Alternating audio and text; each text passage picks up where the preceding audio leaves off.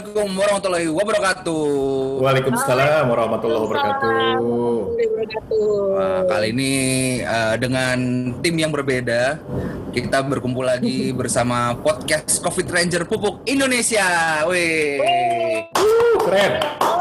Ketemu Ya. lagi dengan saya dan Dion. Iya, jadi di sini Ya, ada saya, Mbak Rani, dan salah satu tamu kehormatan kita kali ini yaitu uh, seseorang yang sangat penting di tim gugus COVID di Indonesia. Nah, Assalamualaikum, selamat pagi teman-teman. Ya, itu sudah kenal ya. Ini adalah Bapak Dr. Riana Rahman. Ya, betul sekali beliau merupakan SVP Umum dan PKBL dan kali ini beliau mendapat amanah untuk menjadi pemimpin di tim krisis COVID-19 di Pupuk Indonesia. Apa kabar Pak Yana?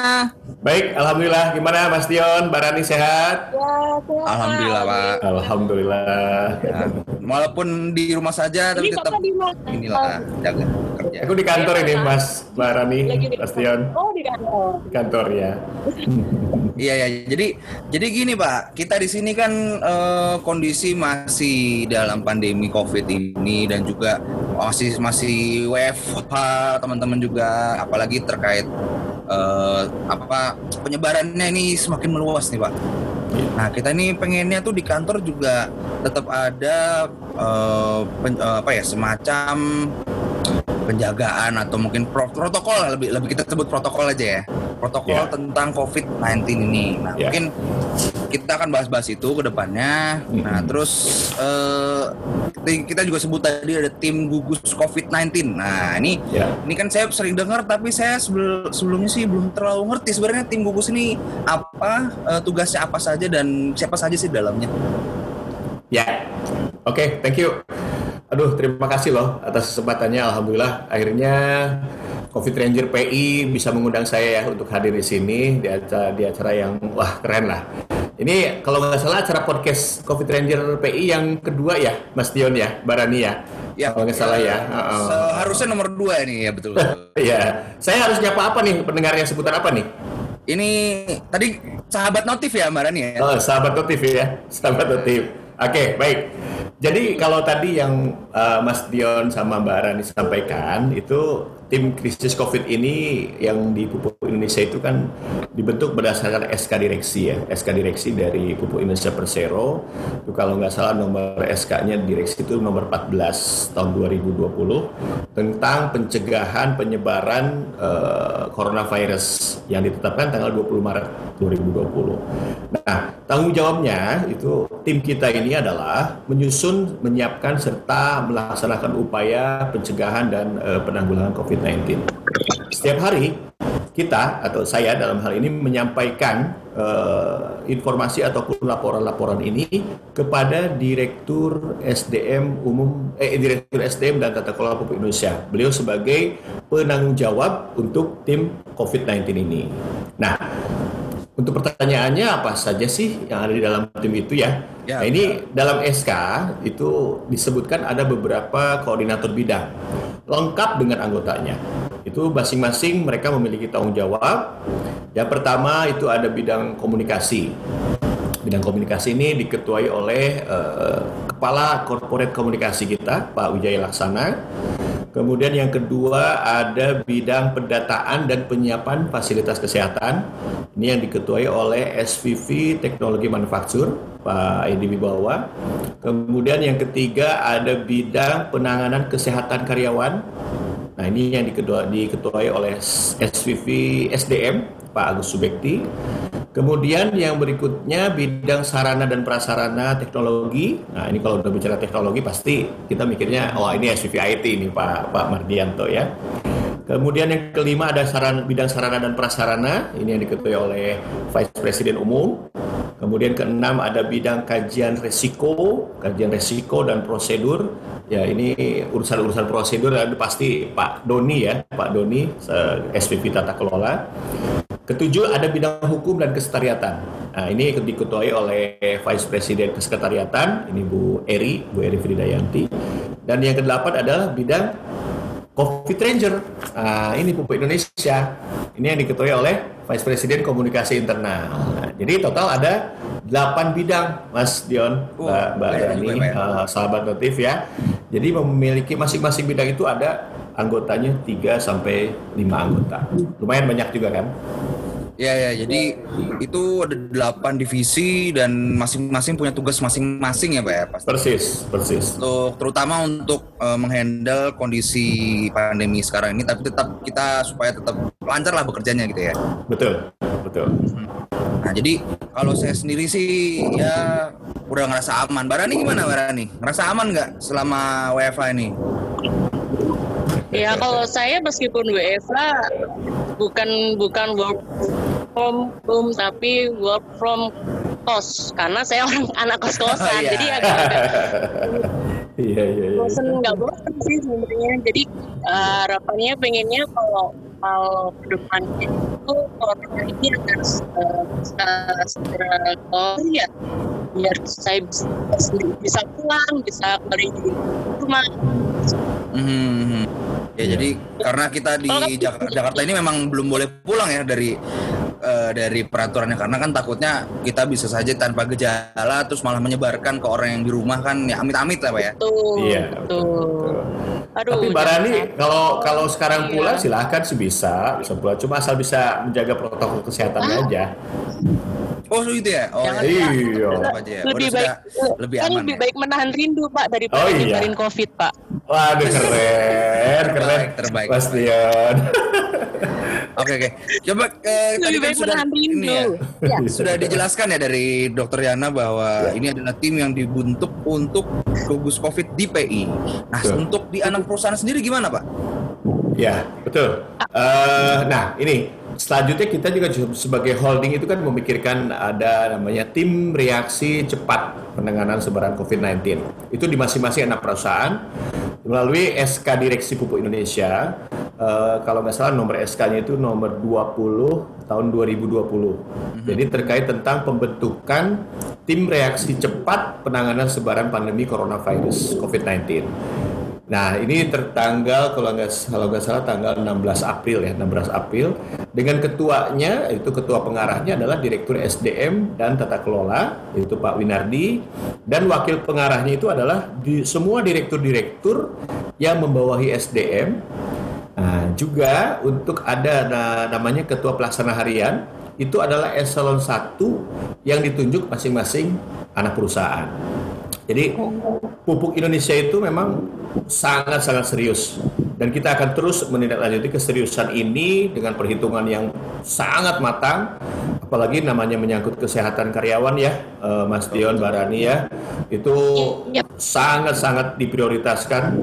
Juga tidak hanya itu juga kita juga berpikir keberlangsungan dari eh, bisnis perusahaan kita karena kita tahu kan saat ini kondisi eh, pandemi ini menyebabkan terjadinya krisis krisis ekonomi di beberapa lokasi. Nah ini nih yang yang kita jaga supaya tidak terjadi kepada eh, Pupuk Indonesia Holding Company. Jadi kita tidak ada kata negosiasi untuk mematuhi dan menjalankan aturan-aturan pemerintah dan direksi dalam penanganan COVID-19 ini. Nah, jadi memang yang kita harapkan ini, jadi ya, seluruh karyawan PI Group, semua insan karyawan PI Group itu dihimbau dan diwajibkan untuk mematuhi aturan-aturan yang berlaku secara aturan disiplin untuk mengikuti protokol-protokol ya. Nah ini nih yang yang ada istilah yang saya saya sukai ini dari dari awal eh, you are in my control. Nah ini ini ini yang yang perlu di- disampaikan kepada sahabat motif bahwa anda ini semuanya ada dalam kontrol saya. Artinya kita semua bersama. Kalau terjadi apa-apa, kalau terjadi ada yang positif, nauzubillah amit-amit, itu kita bersama-sama. Kita akan dampingi mereka sampai selesai, sampai ke keluarga-keluarganya kita akan dampingi. Ya, jadi uh, ya saya berharap semoga pandemi ini segera berlalu dan, dan kita bisa bisa lanjut dengan kehidupan apa namanya adaptasi kebiasaan baru ya atau Ya, atau ya. istilahnya uh, ya Amin, ya ya, KB amin, ya. Amin amin dah. Allah ya. Super sekali memang ya. Tepuk tangan dulu dong, Mbak. Uh, keren banget. Sampai, sampai yang tadi saya buat saya merasa keren tuh kayak oh sampai keluarganya juga dibantu gitu nggak cuma Iya. kayak oh ya udah Iya, nggak nggak hanya karyawannya aja ya Om Dion ya. Iya iya karena kan itu juga sempat jadi pikiran dari teman-teman kan takut kalau misalnya kenapa-napa. Iya.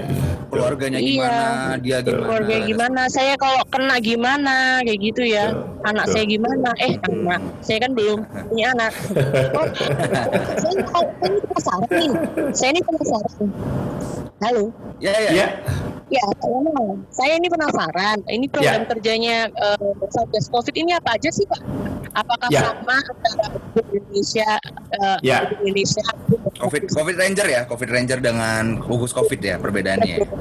oh Ya, gitu, ya. ya. Oke, oke, oke, oke, Ya, ya, ya. Jadi ini eh sebetulnya COVID Ranger itu kan adalah bagian dari tim eh, COVID Ranger, tim COVID kita. Jadi eh, sebenarnya tadi yang Mbak Mbak Rani sampaikan itu memang bisa disampaikan bahwa itu ada dua tim ya, tapi sebetulnya tidak. Hanya hanya hanya satu satu tim yaitu tim Oh. Krisis COVID-19. Nah, akan tetapi dalam satu kesatuan, ya, tim tersebut ada delapan bidang yang tadi saya sampaikan yang benar-benar harus fokus dan harus wajib menjalankan fungsinya. Nah, ini memang eh, benar-benar harus disosialisasikan kepada teman-teman. Jadi memang fungsi utama dari COVID Ranger ini itu tadi saya sampaikan lebih kepada memberikan kita awareness, awareness, memberikan edukasi kepada karyawan kita, karyawan pupuk Indonesia terkait keadaan new normal, di mana keadaan yang ini tuh sangat berbeda dengan keadaan yang normal. Jadi dulu kita normal, sekarang kita di, dihadapkan dengan kondisi pandemi. Nah, kita harus siap dengan keadaan di normal. Jadi pasti berbeda kan. Di mana keadaan itu dituntut kita itu untuk benar-benar disiplin, benar-benar disiplin dalam penerapan protokol-protokol untuk pencegahan COVID-19 ini. Nah, yang kedua, yang di- diharapkan untuk COVID Ranger ini adalah dia akan menjadi culture agent atau agen yang bisa mensosialisasikan perubahan-perubahan melalui acara-acara. Acara yang seperti ini ya acara-acara yang kreatif, inovatif dan nanti pun juga bisa memberikan awareness kepada tidak hanya karyawan kepada seluruh masyarakat yang ada di lingkungan perusahaan kita. Ah, jadi, iya, iya, iya. jadi kita itu bekerja itu kan tidak hanya sendiri kita. Kita itu banyak beberapa stakeholder. Salah satu stakeholdernya itu adalah masyarakat yang ada istilahnya kalau di Anper itu ring satu ya. Ring satu kita itu harus benar-benar kita pahami, harus kita akomodir sehingga tugas-tugas kita yang sehari-hari itu yang sekarang kita jalankan itu itu berjalan dengan lancar. Operasional kita rutin di kantor itu lancar karena mereka memberikan keamanan dan kenyamanan kepada kita. Mhm. Nah, mungkin mungkin seperti itu Mbak Mbak, Mbak Rani ya. Jadi jadi ternyata walaupun terlihat oh kok ada dua tapi sebenarnya ini adalah satu tim yang memiliki fungsinya masing-masing. Ya, betul. satu betul. kesatuan gitu Satu kesatuan, ya Betul. sekali. Betul, betul, betul Mbak Rani, betul, Iya. betul, betul. Betul. Kalau Pak, Hmm. saya juga penasaran juga nih sorry yang di aku nih Ya, ya, banyak ya. banyak keponya ini. Iya, eh, kalau terkait ini Pak, eh, yang di pupuk Indonesia internal sendiri yang di Jakarta itu kan eh, yang sorry gimana Mbak? Rada putus-putus soalnya nih. Wah, ini kayaknya sinyal saya ini agak susah ini. Sinyalnya ya. Jadi kalau kalau kalau kalau BFA gini ini nggak bisa ketemu ini agak agak agak agak, agak. Ya, terima kasih yang saya sudah kembali. Gimana Halo. Mbak? Halo lu? Iya, sudah sudah normal? Masih uh, ada mendingan lah. Ya, mendingan. Iya, Pak Yana, saya ini penasaran. Apakah protokol protokol kesehatan yang ada di Pupuk Indonesia internal, maksudnya yang ada di Jakarta kan berbeda nih sama uh, protokol kesehatan yang ada di teman-teman di pabrik dan perusahaan. Iya. Sama berbeda ya Kak? Sama jelaskan atau dapat sedikit Ya, ya mungkin maksudnya Mbak Mbak Rani itu terkait dengan protokol-protokol yang ada di kita ya. Oh ya ya Iya, ya. ya. Ah, ya, ya, ya, ya, betul. Jadi memang eh, sangat-sangat berbeda untuk untuk protokol yang ada di kantor kita dengan yang ada di Anper. Jadi kalau misalnya kita itu eh, lebih kepada eh, hanya kepada dalam satu gedung itu protokolnya kita akomodir satu gedung. Tetapi kalau misalnya di Anper itu protokolnya lebih kompleks Karena kenapa? Karena mereka memiliki namanya objek vital nasional, yaitu pabrik kita, pabrik pupuk. Itu mereka mereka punya uh, reaktor-reaktor yang cukup berbahaya. Jadi di sana itu protokolnya tidak hanya protokol masuk gedung, tidak hanya protokol WFH, WFO, tidak hanya protokol komunikasi yang yang sekarang kita sudah punya, kesehatan, penanganan korban, tetapi bagaimana mereka membuat atau menyusun protokol bagaimana kita masuk ke dalam uh, situasi kondisi pabrik yang sedang berjalan normal atau pabrik yang tidak normal. Nah ini ini ini memang uh, lebih kompleks uh, untuk untuk di unper. Nah salah satu produk yang dibuat oleh tim itu adalah tim COVID itu memantau perubahan aturan, himbauan kebijakan dari pemerintah pusat maupun daerah, kemudian kita adjust. Kita sesuaikan dengan aturan-aturan atau kebijakan perusahaan. Contohnya, dulu di awal pandemi kita hanya punya 10 protokol yang tadi saya sampaikan. Nah, sekarang sejalan dengan waktu berubahnya, kita punya protokol tambahan seperti protokol penyajian makanan, kemudian protokol pengadaan barang dan jasa, protokol perjalanan dinas, protokol kita bagaimana sholat berjamaah, protokol nanti bagaimana nanti kita akan uh, apa idul kurban ya idul idul adha. Hmm. Nah itu akan lebih banyak. Nah kemudian kita juga bantu penerapan protokol-protokol itu secara disiplin kepada karyawan kita. Nah itu tugasnya dari uh, uh, bidang komunikasi. Oke seperti itu Mbak Mbak Rani, Mas Dion. Hmm, jadi oh, itu itu iya, kayaknya iya. kalau saya boleh meraba-raba menebak ya Pak, ya, itu berarti salah satu program kerja dari tim gugus COVID-19 gugus Indonesia Pak ya? Ya betul. Betul, nah, betul, gitu. betul. Jadi tadi setelah membuat berbagai macam prosedur dan juga protokol, yeah. nah ini kira-kira ada program kerja lain nggak Pak yang kira-kira akan dilakukan dalam jangka pendek maupun jangka panjangnya? Iya, betul. Uh, mungkin uh, kalau misalkan saya kembalikan ke Mbak Mbak Ranisa Mas Dion ya. Kalau misalnya kita ke iya. kantor, ada nggak sih perbedaannya ya? Kalau misalnya kita dulu sebelum pandemi dengan sekarang kita ada pandemi, kalau kita masuk kantor itu apa sih ya yang yang yang perbedaannya? Kira-kira apa Mas Mas Dion Mbak Mbak Rani? Kalau dulu saya masuk sih masuk aja ya masuk lift gitu iya masuk masuk aja. Cuek yeah. tanpa cek tubuh eh cek suhu tubuh. Iya. Iya betul betul. Kayak ada yeah. ini kemarin denger dengar ada ini ini saya belum ke kantor sih pak tapi di, di teman yeah. ada yang ngasih tahu kalau liftnya itu sudah tidak dipencet lagi katanya pak. Iya persis. Jadi touchless ya.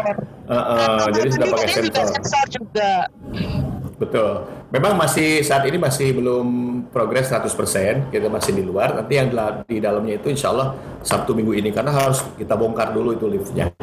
Jadi semuanya nanti akan kita hanya touchless sensor, itu akan kebuka liftnya, kemudian kita naik ke atas. Semua lantai kita akan uh, pakai sensor juga.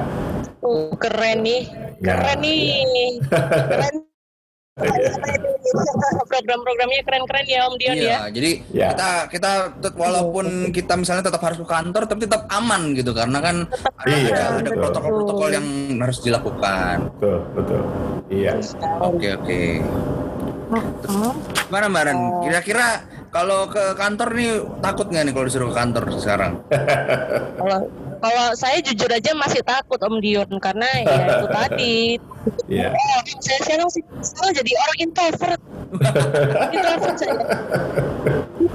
Iya iya iya. Jadi uh, tapi tapi kita lihat udah udah mulai kayak kayak uh, air air keran tadi ya, air keran juga ya udah mulai. Oh iya, itu wastafel itu otomatis ya. Oh.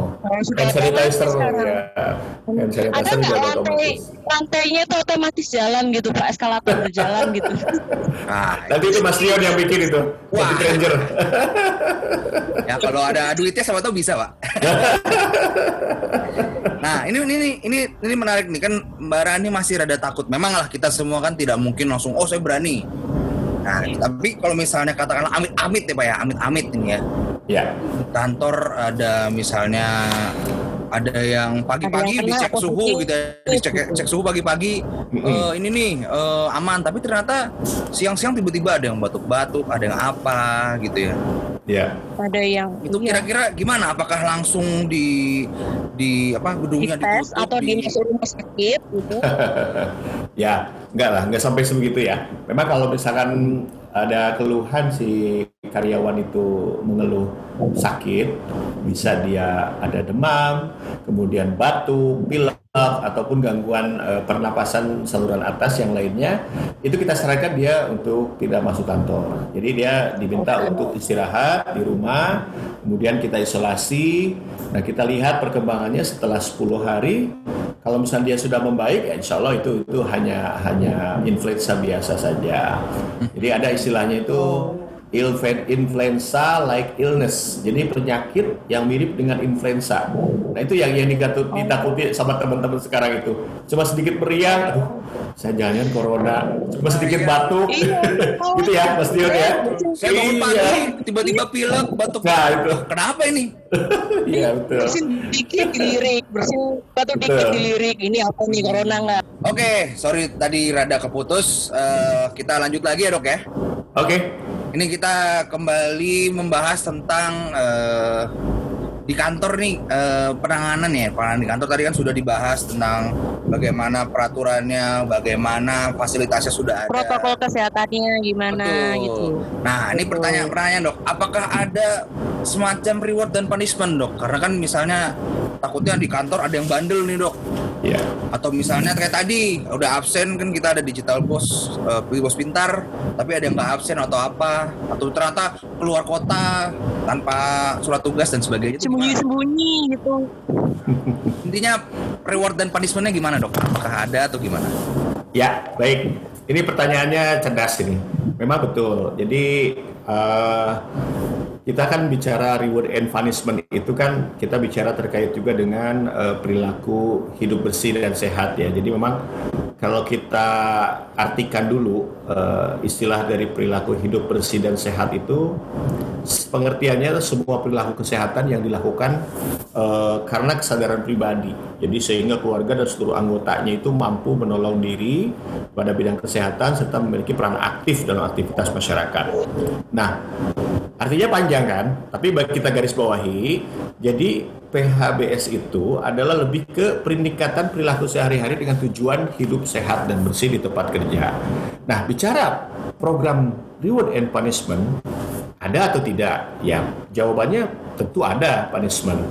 Yaitu sampai dari kita peneguran langsung sampai dengan peneguran menggunakan warning slip melalui eh, jalur human resource kita atau melalui SDM kita. Nah, di kita itu ada ada, namanya bidang untuk penanganan kesehatan karyawan yang terkait juga dengan eh, bagaimana kita menegakkan disiplin terhadap karyawan. Kalau misalkan kita lihat Ya, ini terutama yang di WFH ya. WFH itu kan, wah itu dia bisa peluang untuk sering keluarnya itu kan lebih besar betul. dibandingkan orang yang Betul. WFO. Nah, bagaimana tadi sudah di kita filter yaitu dengan cara kita ada kontrol, ada aplikasi bos uh, employee. Nah, juga uh, bagaimana kalau misalnya bicara terkait dengan uh, reward. Nah, kalau reward sendiri uh, sampai saat ini saya belum belum ada belum ada informasi terkait reward ya untuk bahwa si karyawan itu disiplin. Hanya karena lebih saya berpikir orang kalau sudah disiplin ya sudah sudah keharusan lah sekarang tuh ya Mas Dion ya Barani ya. Sebetulnya nggak perlu ada Iya. reward lagi sudah nggak perlu. Tapi kalau bicara punishment ya pasti ada. Pasti ada. Nah itu programnya semuanya ada di di jalur human resource kita. Seperti itu Mas Mas Dion Ah, Oke oke. Mantap sekali. oke. Jadi Mbak Rani kita tetap harus jaga ini dok, jaga disiplin kita supaya tetap ngantor walaupun di, di kos ataupun di rumah. iya. Betul. Intinya Betul. itu kita harus disiplin diri. Ya. kalau pengen ini cepat berakhir harus disiplin diri. Cuma Ya, aja betul, protokol kesehatan sudah dilakukan peraturan sudah ditetapkan segala Hmm. macam sudah sudah tapi disiplin diri yang bisa kita nggak ada nggak ada sama sekali ya aja Iya. Hmm. Ya, betul Nah, gini dok. Jadi ini kita kan tadi juga Mbak Rani ngomong dia ngekos dan ngekosnya dekat kantor ya Mbak Rani ya. Sekitar iya, kantor. sudah ya. ke kantor banget, lima menit jalan sudah sampai. iya. Teman-teman kan teman-teman nih banyak nih yang kos sekitar kantor, ada yang bawa rumahnya juga deket kantor. Nah, untuk dari eh, tim gugus Covid ini apakah ada protokol khusus untuk lingkungan sekitar kantor gitu? Oke, jadi kalau bicara protokol, eh, kita tidak hanya bicara satu gedung saja, tapi juga kita bicara di luar gedung. Artinya di, di sekitar lingkungan lingkungan perusahaan juga kita kita ada ada ada protokolnya. Hanya memang tidak belum seluruhnya kita kita terapkan protokol tersebut. Salah satunya adalah protokol kalau misalkan kita eh, melakukan sholat berjamaah di luar, di luar masjid, di luar maksudnya di luar gedung kita. Jadi itu kita harus benar-benar bisa menjaga. Kita harus selalu membawa alat-alat eh, perlengkapan alat sholat sendiri, misalkan sajadah ataupun kalau misalkan perlu pakai sarung. Nah, Mas Dion kan senangnya pakai sarung tuh, bawa sendiri, jangan ngambil dari masjid. Ya. Nah, Iya, sudah iya. pasti. Jangan eh, ya. Iya. Mukena, Mas Dion. Kemudian masker selalu dibawa dan selalu dipakai. Nah, pada saat nanti di masjid itu harus kita harus bisa eh, cuci tangan dulu. Kemudian pada saat masuk di Iya. dalam itu kita harus bisa menjaga jarak antara satu jamaah dengan jamaah lainnya. Kemudian protokol lain juga ya mungkin terkait dengan kalau misalkan kita ada urusan untuk beli sesuatu di mall. Nah, itu itu kita ikuti protokol yang ada di sana. Intinya adalah eh, protokol-protokol yang sudah kita buatkan itu benar-benar eh, kita adjust ataupun kita sesuaikan dengan kebijakan yang ada di pemerintah pusat ataupun di pemerintah daerah. Seperti itu, Mas. Oke. Ya. Jadi tetap Oke. walaupun walaupun kita sudah set protokol-protokol, teman-teman juga ada kewajiban untuk jaga diri sendiri ya, mengikuti protokol. Betul, Iya. betul. Ya, Betul. itu itu penting itu, penting sekali itu. Hmm, jangan sampai karena ngerasa ah dia di luar kantor nyantai padahal kan di sana juga aja. ya ada, Iya. ada peraturannya Terlibat. juga, ada juga eh, resikonya juga pasti ya Iya, kalau keluar betul. rumah. Betul, betul, betul. Rani gimana Kita nih Mbak Rani? terlihat aman tapi terlihat aman tapi nggak aman sebenarnya. Gitu. Iya iya. Selama ini Mbak Rani we- eh, weekend ke mana nih Mbak? Aman ya di rumah aja ya?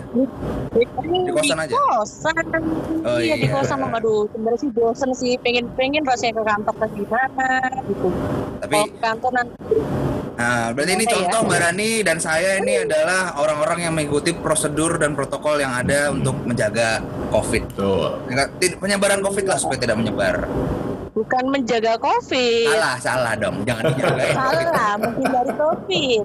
Bukan menjaga covid. Nanti kalau menjaga covid nanti covidnya semakin melunjak nanti. Gimana ini Om Dion? Kita menjaga menjaga penyebaran lah supaya tidak menyebar gitu aja. Nah, ya itu benar, benar. Oke, Sip. terus ini nih dok, Pak. saya saya lumayan ini nih lumayan tadi kan lumayan senang banget nih dengar ada eh, tim gugus juga membantu keluarga dan karyawan yang terkena. Nah ini Iya. mungkin bisa lebih dijelaskan lagi dok untuk pegawai yang misalnya amit-amit nih amit-amit terkena gitu loh. Ada ada protokol apa aja sih yang dilakukan oleh tim gugus COVID di PI? Ya, baik. Eh, Alhamdulillah sampai saat ini kita belum ada ya, dan mudah-mudahan sampai sampai seterusnya kita tidak ada yang yang reaktif ataupun yang positif. Kalau misalkan ada, eh, kalau misalkan ada, eh, kita coba untuk eh, dia diminta untuk diisolasi dulu, diisolasi mandiri. Di mana kalau misalnya dia tidak ada keluhan ataupun dia ada keluhan ringan-ringan saja, itu cukup isolasi mandiri saja di rumah. Jadi tidak ada keluhan. Kalau misalkan dia ada keluhan sedang ataupun dia sudah mulai ada merasakan ada sesak nafas, nah itu kita sarankan dia isolasi mandiri di rumah sakit eh, rumah sakit terdekat. Tapi kalau misalnya sudah berat, dia kondisinya sudah berat, nah ini ya terpaksa harus dibawa ke rumah sakit rujukan COVID karena itu penanganannya akan lebih spesifik lagi. Nah terus bagaimana dengan keluarganya? Nah ini tugas-tugas dari tim COVID-19 PI ini. Itu tuh mereka harus melakukan tracing, tracing ke semua orang-orang dekatnya si pasien tersebut untuk tracing dia kontak eratnya di mana saja, kemudian di dengan siapa saja. Nah, itu yang harus kita lakukan tes yang berikutnya. Misalkan kita lakukan rapid test lagi. Nah, di rapid test ternyata dia reaktif. Nah, kita terus lanjut kepada tes swab. Nah, tes swab ternyata dia negatif, alhamdulillah berarti aman.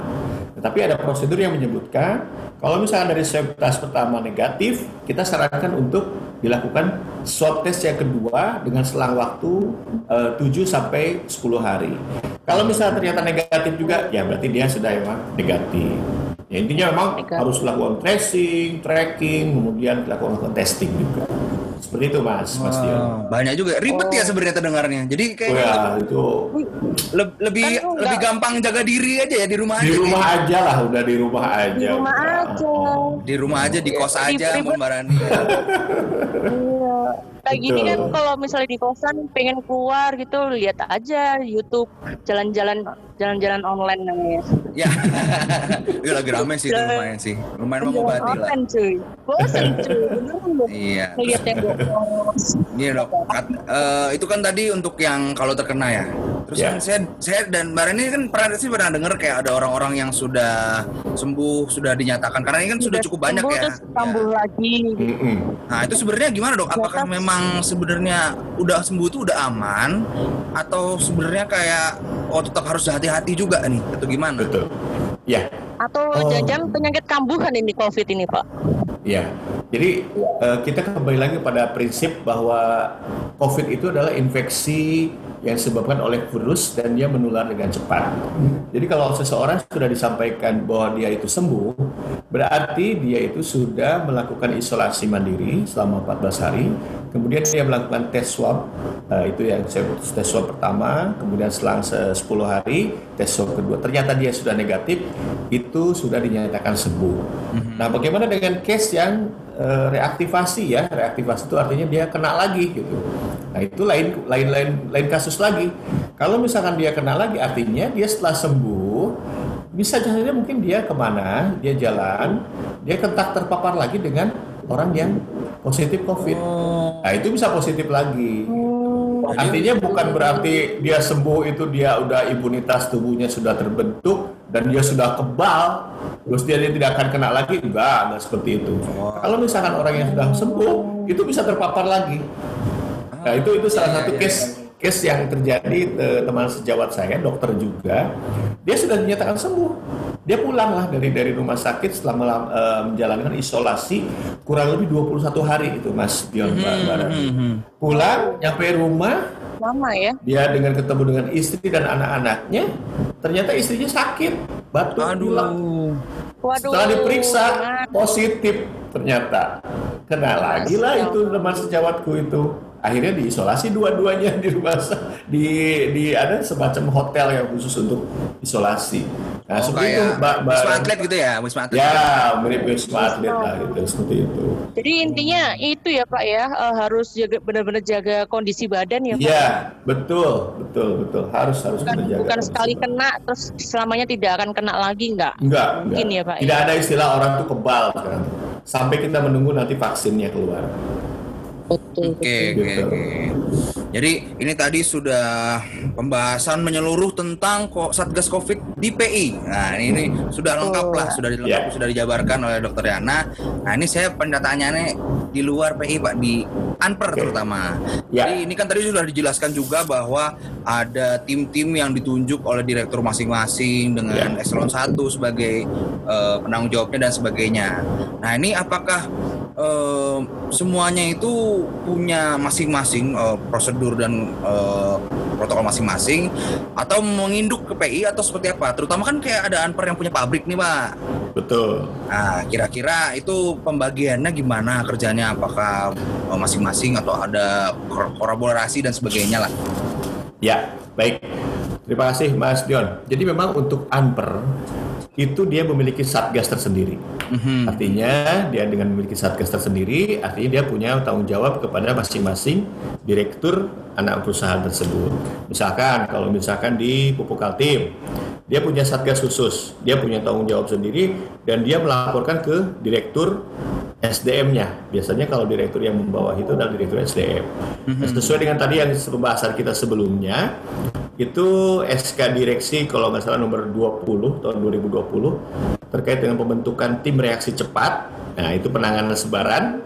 Itu dengan ketuanya pengarah itu adalah ketua pengarahnya adalah Direktur SDM kita eh, Pak Winardi dan wakilnya itu adalah masing-masing direktur yang membawahi SDM. Mhm. Nah, di bawahnya lagi ada namanya ketua pelaksana harian. Nah, itu adalah eselon 1 yang ditunjuk oleh masing-masing anak perusahaan. Jadi memang mereka sudah punya target tersendiri dan punya tanggung jawab tersendiri, tetapi tetap melekat kepada eh, tim reaksi cepat COVID BI Group. Gitu. Oh iya. Jadi iya, tetap iya. melekat, tetap Jangan melekat. tangan berarti ya Pak ya. Betul, Berarti- betul. Ya. Dan itu kita laporkan setiap minggu, Mas Dion, Mbak Rani. Masing-masing entrepreneur Iya. selalu melaporkan kepada kita setiap minggu dan kita laporkan langsung ke Kementerian BUMN. Jadi kita itu tergabung dalam ya ini informasi ya buat teman-teman eh, sahabat notif. Eh, namanya klaster pupuk dan pangan. Nah kebetulan saya koordinator di klaster pupuk dan pangan. Hmm. Jadi semua yang namanya BUMN BUMN Iya, klaster pupuk dan pangan itu koordinatornya ke kita ke Pupuk Indonesia. Nah dari sini baru kita laporkan ke Kementerian BUMN. Seperti itu mas. Oh, berarti kita kan kemarin sempat nyebutin ya Mbak Rani ya, ada 18 perusahaan itu Iya. ya pupuk pangan ya. Berarti Iya. bukan 18 cuman perusahaan. COVID Rangernya doang, tapi tim gugus keseluruhannya juga ternyata tergabung dalam situ ya. Iya betul. Oke oke. Ah ini Pak ada satu lagi tadi yang eh, masih Ya. pertanyaan yang untuk teman-teman yang di pabrik nih gimana Pak? Karena kan cukup vital ya kalau di kita tuh pabrik itu. Ya betul. Tadi sempat juga eh, saya diskusi dengan teman-teman di pabrik itu. Memang bagaimana caranya supaya kita tuh orang pabrik itu sampai tidak terkena lah. Karena kalau sudah terkena, itu orang pabrik kan nggak bisa digantikan oleh orang SDM. Iya. akan berbeda. nah itu untuk Beda itu. protokolnya itu ada beberapa beberapa protokol yang memang eh, sangat eh, wajib diterapkan di, di pabrik. Salah satunya adalah eh, pengaturan terkait dengan jam shift mereka. Misalkan kalau shift mereka itu biasa satu shift itu kan kurang lebih 8 jam. Mhm. Nah, kita atur sebagaimana Iya. sebagaimana caranya dia bisa 12 jam ataupun kita atur pembagian orangnya, personilnya.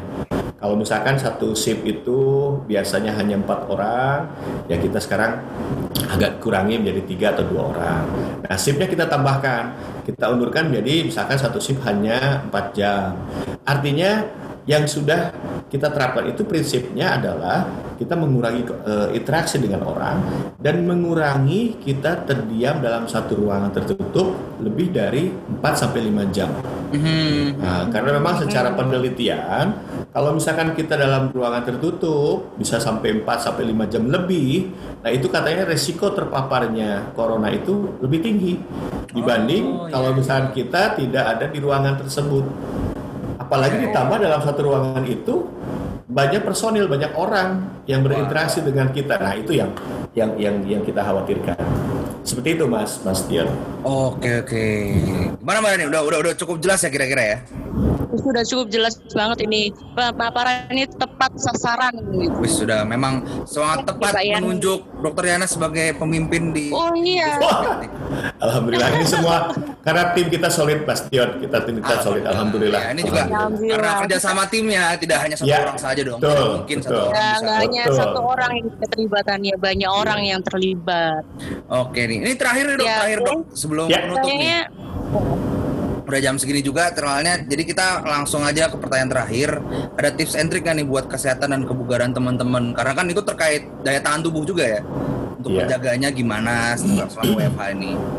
Ya, yang pertama adalah tetap eh, kita menjaga keseimbangan tubuh kita ya antara eh, kesenangan, kesibukan. kita jangan terlalu sibuk juga karena kalau misalnya terlalu sibuk kita akan muncul stres. Stres itu akan meningkatkan, akan menurunkan daya tahan tubuh kita. Jadi kita badan kita akan semakin rentan terhadap virus. Yang kedua, cakupan gizi yang seimbang. Nah, ini kalau misalkan bicara cakupan gizi ya eh, empat sehat lima sempurna itulah yang yang harus kita jaga ya. Selalu selalu dengan konsumsi yang yang gizi seimbang itu yang harus kita pertahankan. Ketiga, olahraga. Olahraga yang teratur dan cukup. Pasti teman-teman akan bertanya, olahraga apa sih yang sekarang yang cocok dengan kondisi saat ini? Ya sebetulnya olahraga yang tidak melibatkan banyak orang, yang tidak tertutup ruangannya itu saya pikir udah cukup. Seperti apa? Jalan jogging tapi tidak di luar oh, apa di tempat daerah yang zona merah. Apalagi sampai zona hitam. Wah itu bahaya. Wah ya. bahaya banget. Nah, terus yang ketiga, yang terakhir ya paling penting adalah kita selalu berdoa. Itu nomor satu, nomor doa. Mudah-mudahan COVID pandemi ini bisa cepat berakhir ya, Mas Dion. Amin, amin, amin. Amin. Ber, Bisa jam. pasrah boleh, eh, berdoa boleh, tapi jangan sampai pasrah gitu ya Pak ya. Iya, betul, betul. Ya. Kita harus optimis terus. Kita harus semangat terus. Optimis gitu. Ya. Oke deh, kalau gitu terima kasih banyak Oke, Pak kayaknya Dokter. sudah selesai. Terima kasih. Pak Yana ya Pak. Ya. Sudah meluangkan waktunya. Memang Terima kasih sama-sama. sangat sangat apa ya sangat banyak sekali ilmu yang bisa kita dapatkan dan Informasi. informasinya. Betul. Ya oke lah. Kalau gitu terima kasih banyak atas kesempatannya. Terima kasih juga teman-teman sudah mendengarkan Terima eh, dari notif Podcast ini kali ya. ini. Podcast notif ini ya. notif, Weh. notif ya. Sobat ngobrol notif. informatif. Iya. Nah, ngobrol informatif gitu. Ngobrol informatif. Oke, ya mungkin gitu- next kita ngobrol-ngobrol lebih lebih lanjut ya Mas Yes, Dion ya. yes. Kita tutup dulu aja Mbak Rani ya. Oke, Oke, siap. terima kasih Oke. semuanya sudah mendengarkan. Terima Mohon maaf kalau sebelumnya ada salah-salah kata. Bila taufik walhidayah. Assalamualaikum warahmatullahi wabarakatuh. Waalaikumsalam. warahmatullahi Waalaikumsalam. wabarakatuh. Terima kasih Mas Terima Dion, kasih, Mbak Rani. Terima kasih. Bye bye. Kami adalah Covid Ranger.